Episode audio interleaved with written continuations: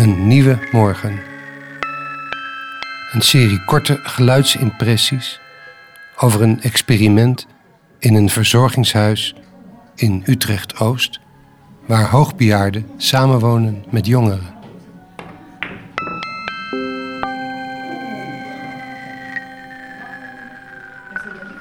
Piet de Bruin.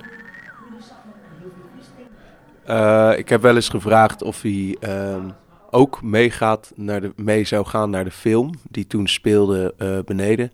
En toen zei hij heel resoluut nee en voor de rest niks. Dat was, uh, dat was ons contact. Nou, je mist hem zo ver dat je hem nou niet meer ziet.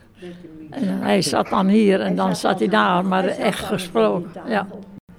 Was het een aardige man? Jawel, maar hij was, was wel een driftig manneke. Maar hij was wel, wel uh, je moest, moest je, als je tegen zijn zin dat deed, toen was het foute boel hoor. Ja, ja dat was zo.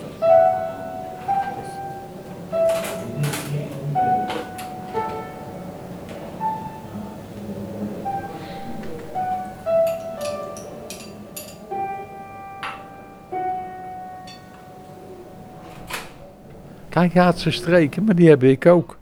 Dat zeg ik, hij kon tekeer gaan, tekeer gaan. He, net zo goed. Maar het mooie aan die man was als ik ging fietsen. Harry, doe een petje op, jongen. Doe een dasje om, Harry. Doe voorzichtig, kijk je uit met fietsen. Zo, was die man. Maar nou gisteren kwam ik teruglopen. En kom ik bij die brievenbussen.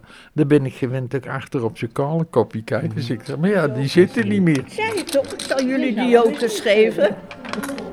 Heb jij dan geen joker? Nog niet tegengekomen? Ik ook niet waarschijnlijk. Ik ben altijd zo gul, gul om ze weg te geven. Piet. Piet, ja. Ik weet dat hij Piet heet. En ik kom hem elke ochtend tegen.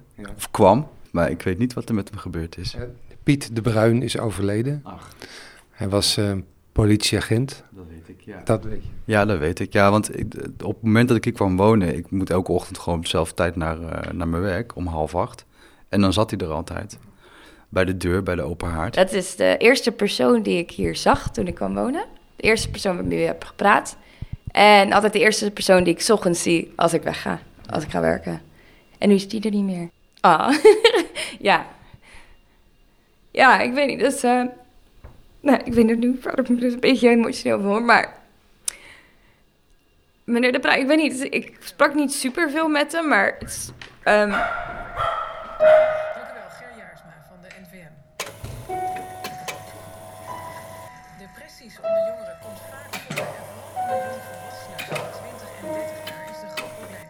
Speciaal voor die jongeren is vandaag een loop georganiseerd in het Gelderse Beest. De nieuwsbus is naar het grote Mariën, Marienwaard gereden. Dit op het ogenblik laat me niet los.